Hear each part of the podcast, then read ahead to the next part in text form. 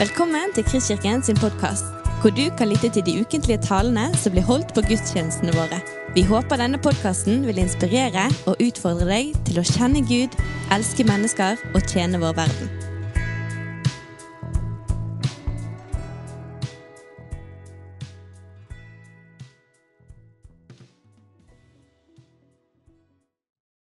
Mitt navn er Glenn Nordvaug. Og jeg har vært eh, en del av eh, Kristkirken siden høsten 2019, er det vel. Så nå skal jeg få lov til å si noen forhåpentligvis noen vetige ord. da. Eh, det er jo et, et tema for denne, for denne, søndagen her om å, å dele trua på jobben. da. Og som kanskje noen av dere, kanskje flere, vet, så har jeg mesteparten av mitt li, yrkesaktive liv da, vært predikant, eh, leder og pastor. Så jeg kjente kanskje jeg var veldig godt kvalifisert da, for å si noe om det temaet om å dele trua på jobben. Um, men uh, kanskje litt annen vinkling enn hadde tenkt på dette temaet her, da, enn akkurat en sånn uh, ansatt jobb i kristne organisasjoner. Men, og Det er sikkert mange av dere som kunne sagt mye mer fornuftig enn meg om, om dette, her, men da får jeg prøve etter etter beste evne å si noe om dette temaet. her, og Håper det kan være noe nyttig input for deg der du er på din arbeidsplass. Men nå skal vi bare fortsette å be litt her. Herre Jesus Kristus, vi takker og priser deg for at du er Herre. Du er frelser. Du er den som går foran oss, og den som får lov til å gå i lag med Herre. Og så ber jeg om at um, det vi skal dele her nå, kan bli noe som uh, får betydning for de stegene vi går i lag med deg. Uh, ellers på mandag, tirsdag, onsdag, torsdag, fredag på våre arbeidsplasser. Ja, det ber jeg om i ditt navn. Amen. Uh, jeg var jo tidligere pastor, og da snakker jeg alltid varmt om alle de som jobber der ute. da. Eh, blant eh, mennesker som ikke kjenner Jesus. Og Jeg sa vel òg noe sånn som det, og det kan jeg jo si fremdeles, at de viktigste i menigheten er faktisk de som er der ute i ordinært arbeid. For de treffer jo mange mennesker som ikke kjenner Jesus. Ehm, så når jeg da slutta som eh, pastor, så tenkte jeg at ja, nå, nå er jeg faktisk blitt forfremma. For da skal jeg ut og gjøre den viktigste jobben i menigheten. Det er bare det at sauene de er ikke så hvite, da. Eh, de er litt, eh, de litt, de er litt mer fargerike. Eh, men jeg er fremdeles, som, som, en kristen så er jeg fremdeles pastor ute blant folk der på arbeidsplassen. Men vi vet jo at de som er i menigheten, trenger jo ikke være så hvite, de heller. da. Eh, det er bare at det vises ikke så godt utenpå. De er ganske hvite utenpå, men så kan det være mye forskjellig, da. Um, så kjære venner, du som er ute i ordinært arbeidsliv. Du er innsatt av Gud på din arbeidsplass som pastor for mennesker. Og Det er jo ikke sikkert at de anerkjenner deg som det, akkurat da, men, men, du skal jo ikke tenke på hva andre anerkjenner deg for, men du skal jo tenke på hva Gud tenker om der som du er satt. For Gud har plassert deg der som du er, for å spre Hans rike på en liten flekk av den verden som han har skapt. Jeg tror ikke det er tilfeldig at du er der du er. Jeg tror ikke det er tilfeldig at jeg er plassert der som jeg er. Jeg tror ikke det er noen tilfeldigheter. Når vi tror på Jesus og vi tror vi blir ledet av han, så tror jeg ikke på noen tilfeldigheter. Vi tror ikke på sånt, gjør vi det? Når vi tror på en Gud som leder oss gjennom livet, og at vi blir plassert der han ønsker at vi skal være. De aller fleste av dere treffer veldig mange mennesker som ikke tror på Jesus på arbeidsplassen. Og kanskje er, den, og kanskje er det nettopp arbeidsplassen som er den største arenaen for de fleste. For, for fleste av oss for å treffe mennesker som ikke kjenner Jesus. Vi oppholder, vi oppholder oss jo nesten like mange timer i våken tilstand på jobben som det vi gjør hjemme. Og Det er jo ganske mange timer i løpet av uh, ei, uke. Iallfall mandag til fredag. Um, og når vi da er der ute, så treffer vi folk. Uh, folk kan jo tro mye forskjellig der ute. Uh, noen kan tro på andre guder enn oss. Noen uh, vi treffer, har ikke vært borti så mange kristne tidligere. Noen andre har kanskje kjennskap til det. Andre igjen de har dårlige erfaringer i møte med kristne. Og det er mange fordommer mot kristne der ute i samfunnet. De tror vi er kjedelige folk, at vi har forhistoriske holdninger og er lite rause hvis vi tror på Bibelen som Guds ord.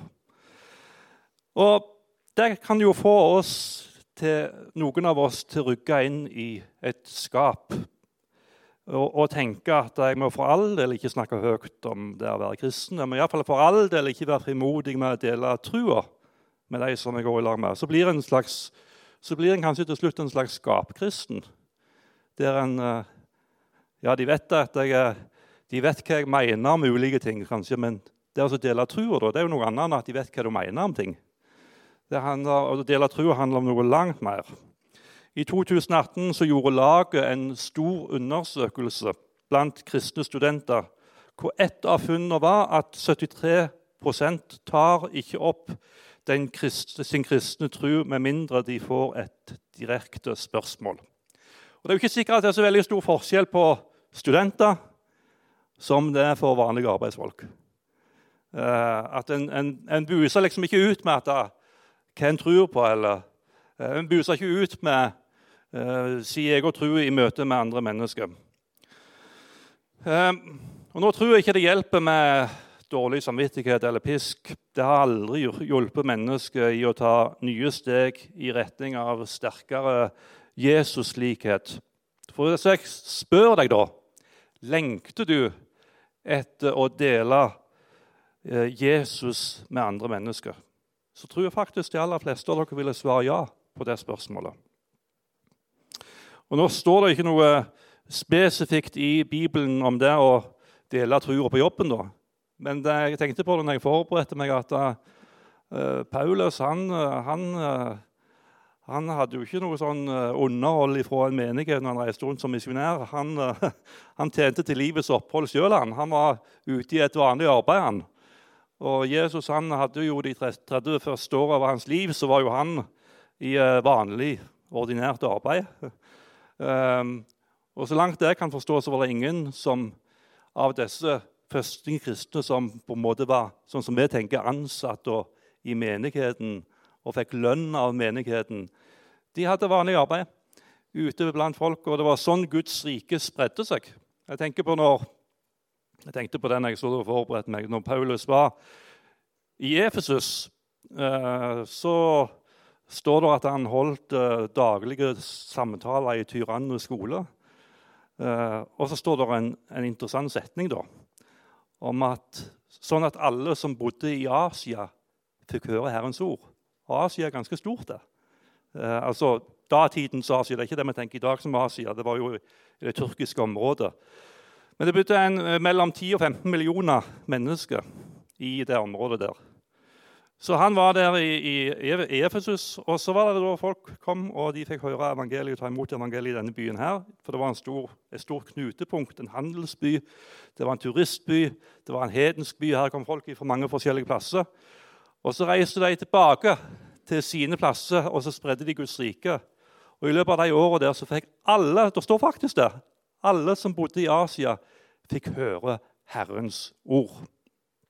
Så venner, vi er plassert ut der med en hensikt for å spre Hans rike, for å dele Hans uh, budskap med mennesker. Um, og Jesus han sier jo det i uh, sin ypperste prestelige bønn at 'jeg ber ikke om at du skal ta dem ut av verden, men at du skal bevare dem ifra det vonde'. Og så sier han 'som du har sendt meg til verden' sender jeg dem til verden. Så da er jo Jesus vårt forbilde. Sånn som Jesus ble sendt til verden, sånn er vi sendt til verden. Og Jesus han holdt jo ikke, holdt jo ikke Guds rike for seg sjøl. han delte jo villig ut av sitt rike til mennesket. Og Det er tre ting vi ser igjennom. at han, når han gikk rundt her på jord, så gjorde han godt imot mennesker. Han gikk rundt og gjorde vel, står det. Eh, og, og, så var det en ting til at han, han helbreda syke. Og han forkynte evangeliet. Guds rike er kommet nær. Og vi har jo fått denne kraften i oss, da. Som, eh, som eh, står, Hva var det dere sang her? Den, den kraften som reiste Jesus opp ifra de døde, den bor i oss som tror. Det er ganske heftige saker, det. Den kraften som reiste Jesus opp ifra de døde, den bor i oss. Um, og Det står at vi har fått del i guddommelig natur. I 1. Peters brev det står om at vi har fått del i guddommelig natur. Gud, han bor i oss. Og Når jeg ser på mennesket, da, nå skal jeg være litt praktisk da, når jeg ser på mennesket da, når Gud bor i meg, hvordan er det han ser på mennesket da? Jo, han elsker alle mennesker. Han har skapt dem, og alle har en unik verdi. Så når jeg treffer Jørgen Hattemaker eller kong Salomo, så tenker jeg at ja vel, her er det et menneske som er elsket av Gud. Her er det et menneske som er skapt av Gud, og som har en unik verdi for han. Ja vel, da må jeg behandle dem som det. Uh, og Jesus han òg bor i oss. Jesus han også bor i oss, og han elsker jo alle mennesker. Uh, han ga jo sitt liv for oss hans kjærlighet til oss, den drev Jesus til korset. Når jeg da ser på mennesket, så tenker jeg på den, tenker jeg på den kjærligheten som, som, Jesus viste på korset. Og så tenker jeg på disse menneskene som jeg prater med, de som jeg snakker med. De er, de er utrolig verdifulle. De er utrolig elsket av Jesus. Og ja vel, da ønsker jeg at de skal få erfare noe av det inn i måten jeg er overfor disse menneskene på. Um, og så har vi òg uh, vi har fått Gud, vi har fått Jesus, vi har fått Den hellige ånd. Og for at Guds rike skal gå fram, så er det ikke noe tvil om at vi er helt avhengige av Den hellige ånd. Uh, når vi leser gjennom apostlenes gjerninger, så kan vi lese om alt det Gud gjorde. Og tar du vekk Den hellige ånd fra apostlenes gjerninger, så har du jammen meg ikke mye igjen. Eh, så vi trenger virkelig Den hellige ånd som viser oss vei i det å dele evangeliet med mennesker. Um, skal vi se her Jeg tror ikke jeg får tid til å snakke om alt dette her som jeg hadde tenkt å snakke om. Vi kan ikke bare få opp to stykker her nå. Terje og Reidun. Uh, vi må ha noen, noen, som har litt mer erfaring fra vanlig arbeidsliv enn meg. Så nå kan de komme opp. Kan ikke bare få mikrofonen din, du, Endre? Så for å se hvilken tid jeg har etterpå så sier jeg alt jeg har tenkt. da. Du har, ing, du har, ingen tid igjen etter vi har sluppet til. jeg, skal nå, jeg skal holde mikrofonen, jeg. Nei, um, jeg har hørt uh, noe av historien til, til Terje. Jeg har hørt av noe av historien til Reidun. Og det er jo viktig at det det livet som leves ut, at det er noe som kommer fra innsida. At det ikke noen, jeg, tenkte, jeg, prøvde, jeg, prøvde, jeg prøvde når jeg forberedte meg natt, å dra meg etter håret. Og det er ikke så veldig vellukka. Så, så, det er jo noe som må komme innifra. da. Og, og, og, jeg forstår at det var et sånt skifte som skjedde der du, Terje, og du, Reidun, begynte å dele evangeliet med andre mennesker. Kan de ikke si ganske kort noe om det skiftet der? Hva gjorde Gud i livet ditt? Ja, kort og kort. Eh, det blir veldig kort. Jeg kommer altså fra ungdomsmiljøet i Bergens Indremisjon. Si det. Det er historien. Betlehem. Der har jo, var, jo, var jo han også forstander. En fantastisk tid. Eh, uten å overdrive, hver lørdag ca. 400 ungdommer. Hver lørdag. År ut og år inn. Ungdommens lørdagskveld het det. Det var kjempepopulært. Men det som var det tragiske for meg, etter at sånt møte var ferdig, så skulle folk ut og evangelisere. En bunker med traktater. Og så var det på byen. Det der taklet ikke jeg. Jeg fikk fullstendig angst. Rullegardinen gikk ned. Det der var bare ikke meg. DNA-et var ikke der. Jeg hatet det. Så jeg ble veldig god på indretjenester. Sendte de andre ut, så ryddet jeg og fikset og alt dette greiene. For det der klarte jeg bare ikke. Det gikk ikke. Det var ikke mitt DNA. Angst fikk jeg bare tanken på at jeg skulle ut evangelisere. Ukene gikk, månedene gikk, årene gikk. Jeg ble 40 år. Da kom Toronto-tiden hertil. Skal ikke dra den, det har dere hørt før. Men jeg hørte til de som lå sprelte på gulvet og lo. Og Rolf Helen og Geir Anton de elsket å komme hen og be for meg, for da lo jeg enda mer. Jeg husker fortsatt ikke hva de ba om, men noe skjedde jo tydeligvis. Så gikk det enda litt tid. Så inviterte Reidar meg ut på en lunsj og sa at du skal møte en mann, Edsel Silvoso. Så fikk jeg møte han og fikk veldig god kontakt med han. hadde fortsatt. Så begynte han delvis å undervise om det å ta troen ut på arbeidsplassen. Og plutselig så falt alle brikkene på plass. Akkurat. Det er sånn det er. For jeg, jeg, Mitt DNA det går på business og politikk. Det var der interessen var, ikke menighetsliv. Um, så kommer vi til Telenor så fatter meg i kortet, men må bare dra det. Telenor-bygget kjenner dere. Det var veldig mye forbønn rundt det. Grådig mye. Veldig mye fra mitt ståsted under og mirakler skjedde på overnaturlig måte. Er dette virkelig mulig, Gud? Og mitt bygg. Vi vant en hel haug priser, men jeg besluttet meg for én ting. Når, eh, når åpningsfesten skulle være Endre sin far Ingmar Jones var ordfører, og han skulle ligge ned grunnsteinen. Da var hele fiffen, både statsråder og byråder og hele pakken. Så skulle jeg gi Gud æren. Og hadde forberedt meg denne talen kunne jeg i, utenat i hodet. Men når jeg sto der med alle menneskene i auditoriet og hadde en tale på fem-seks minutter, og jeg nærmet meg avslutningen, så gikk det altså fullstendig i stå. For meg var dette det nærmeste jeg kommer åndskamp. Jeg var dyvåt bunad, du kunne vri skjorten etterpå. Så våt var han. Og alt det jeg hadde planlagt å si og gi Gud æren, det skar seg i 90. Men jeg fikk sagt litt likevel. Og etterpå var frustrasjonen det var todelt. Jeg var forferdelig lei meg for at jeg ikke fikk hadde planlagt den gode talen og gi Gud æren. Samtidig var jeg fantastisk lykkelig for jeg faktisk hadde fått sagt noe i plenum om at Gud skal ha æren. Og det der var et tipping point for meg. Da snudde det på hodet. Plutselig så benyttet jeg enhver sjanse til å vitne om Gud, om det var bystyrets talerstol, taler, foredrag, utvalg. Det ble en hobby å fortelle om hvem Gud var. Så liksom det skjedde noe jeg vil si, i åndeverden eh, når jeg plutselig fikk bekjent det offentlig. Så det var en seier. Og det tok altså 20 år bare så det er sagt. Så dere vil ikke, dere vil ikke tro hvor, hvor tøft kampen var i ungdomstiden. Men nå er det helt motsatt. Nå klarer jeg ikke å gi fra meg mikrofonen. Jeg tror jeg må holde den her, jeg. Når du skal ha den, så tror jeg bare holde den. Du må få høre litt fra deg òg. Nei, jeg skal ikke ta så lang tid. Eh, da, da, har jeg litt motsatt historie. Ja, for det skjedde jo samtidig som jeg tok imot Jesus. Men jeg eh, jobber på en arbeidsplass med 70 ansatte.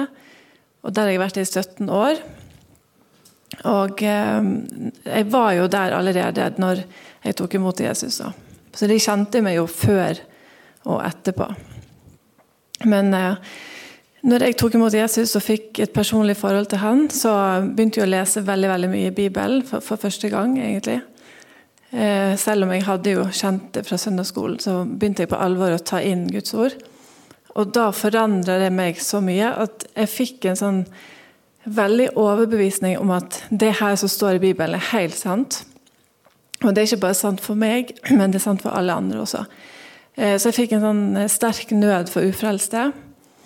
Eh, men jeg må bare skyte inn at min mann som sitter der nede, han også jobber jo i det miljøet. Og når vi skulle gifte oss, så fikk han advarsel. Er du sikker på at du skulle gifte deg med henne. Hun er veldig kristen, sa de. så du er veldig modig, Eirik, som holder ut med en sånn evangelist, som jeg da ble.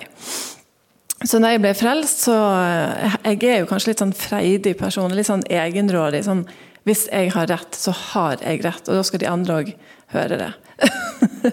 sånn gjelder det også med Gud. altså. Så jeg har, litt, jeg har jo litt sånn frimodighet som medfødt på en måte. Litt sånn, Jeg vil ikke si frekk, men jeg er litt sånn Kanskje litt for frimodig, hvis du kan spørre noen. Men samtidig så har jo det ført til mange fine ting og mange gode diskusjoner. og Gud liksom, Jeg har liksom stilt meg åpen for han, sånn at han kan bare Og da går det jo gjennom meg og ut. Kan du ikke bare fortelle når du har mikrofonen, en historie om uh, Ja. da Gud fikk bruke deg? Mm, ja.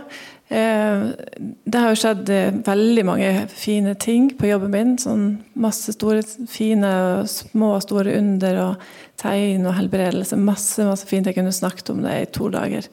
Men det eneste jeg kan trekke fram, det er at eh, jeg heter Maria Jeg visste ikke om hennes historie, og dette er veldig viktig for dere òg.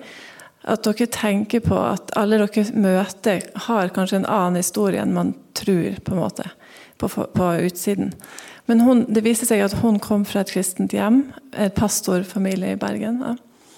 Eh, og hun har tatt avstand fra Gud, så vi kaller det for å være frafallen. rett og slett. Hun har tatt bevisst valg på å gå vekk fra troen. Og dette har det da vart i 15 år. Og så ser hun meg, og så forklarer hun at når hun ser på hvordan jeg er kristen på jobb, eh, frimodig og glad Hun sa det. Hun sa at visste ikke at man kunne være så glad og stolt av troen sin, sånn som du er, sa hun. Eh, sånn at hun fikk plutselig lyst til å gi Gud en sjanse. da, Fordi at eh, hun så at det var ikke så ille som hun hadde tenkt. holdt på å si. Så hun gikk da tilbake til sin kirke med sin familie. og hun, hun, virker jo på en veldig spesiell måte i dag. Veldig, dere kommer sikkert til å høre om hun og mannen. Som, så det er veldig sterkt hvordan det, det, lille du gjør, kan kanskje bety noe stort etterpå. Sant? Eh, så vil jeg bare si at eh, Det at hun ble frelst, det har jo også hjulpet meg. Når, eh, sånn som vi sang i sted 'When darkness seemed to hide its face', så skjedde det med meg at jeg òg eh, begynte å miste litt grepet og fotfestet. Og det med troen og alt kom litt i bakgrunnen, for at jeg hadde det vanskelig. Og da sto hun der plutselig og skinte Guds nåde og kjærlighet mot meg. Og holdt meg på en måte oppe med den, hun, den kraften hun sjøl hadde fått inn. Så hvis du gir, så gir Gud rikelig tilbake. Takk. Du, Terje, da? Ja, en, jeg skal, han er stresset på tid. Vi har jo god tid. Det er lenge til Brann skal spille, ikke før i morgen. Ja, jeg har også si noe flere, vet du. Ja, ja, ja. Du, eh, jeg har jo lagt min eh, Litt mer sånn gjennomsnitt interessert i Israel. Så jeg har lagt veldig mye at jeg tok businessturer, ikke bare kristne, men businessturer og folk til Israel. Ikke fordi at, også for du skulle vise de landet, men det er jo et høyteknologisk land. Hva de vel kalles jo Israels svar på Silicon Valley, og veldig høyt oppe teknologisk. Så vi hadde veldig mange gode grunner til å reise der. En av de historiene tok jeg med meg i et styre. Jeg var styreleder i et eh, landsdekkende datafirma. Og Da er konseptet sånn at vi er tre-fire dager på teknologi og messer og gjør det vi skal. tar vi en helg, og Da reiser vi rundt i Israel, besøker kjente steder. og Avtalen for å gjøre dette er at de alltid har kun få lov å lese historien fra Bibelen på det stedet. Ikke noen undervisning, men de tåler en tre-fire-fem minutter hver gang med Bibelen. Det er helt i orden. Denne gangen kom vi til Betestadammen. Der har mange vært. I Jerusalem rett innenfor saueporten. Og Der leser jeg fra Johannes 5, fra Betestadammen. Når eh, opprørt vann, av og til kom engel ned, rørte opp vannet. Først, Førstemann uti ble helbredet. Og han Svein, da, som var direktør for et stort, eh, et stort, datafirma i Stavanger, han hadde hatt virkelig vondt i Han kalte det for aksel, det er tydeligvis skulder på, på nynorsk. Han hadde hatt så vondt i akselen. Og når vi står der, og jeg leser, så sier han helt out of the blue men kan ikke du be for meg, da? Og da ble jeg satt ut. Det var jeg ikke forberedt på. Det jo, det, dette var jo toppen i Norge. sant? Det var, ja, der og da må jeg si det var litt ydmykende, selv om jeg hadde vært igjen både Toronto og Silvoso og hele pakken. Men så måtte jeg altså be for han, og så skjer det ubegripelige. Smerten forsvinner der og da, som i et nu. Jeg ble helt bestyrtet. For det, beklager, Gud, den forventningen hadde jeg ikke. Og han skjønte ikke hva som skjedde. annet enn smerten forsvant. Og de andre sto Hva som skjedde nå? Det ble en stille kveld.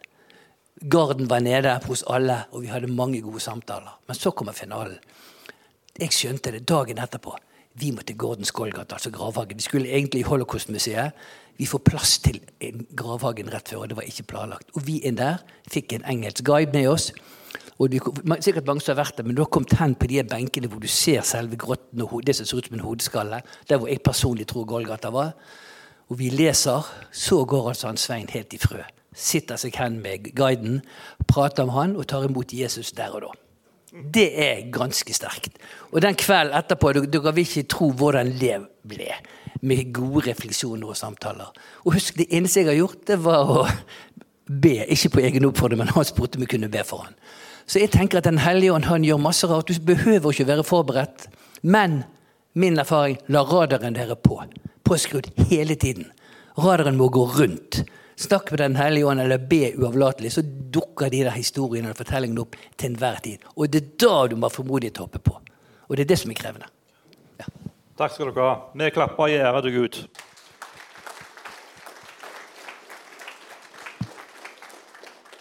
Det passer egentlig veldig bra for han uh, i fortsettelsen her nå, for han, Martin Keiv han, jo, han har jo han har mange, mange, fine uttrykk, syns jeg.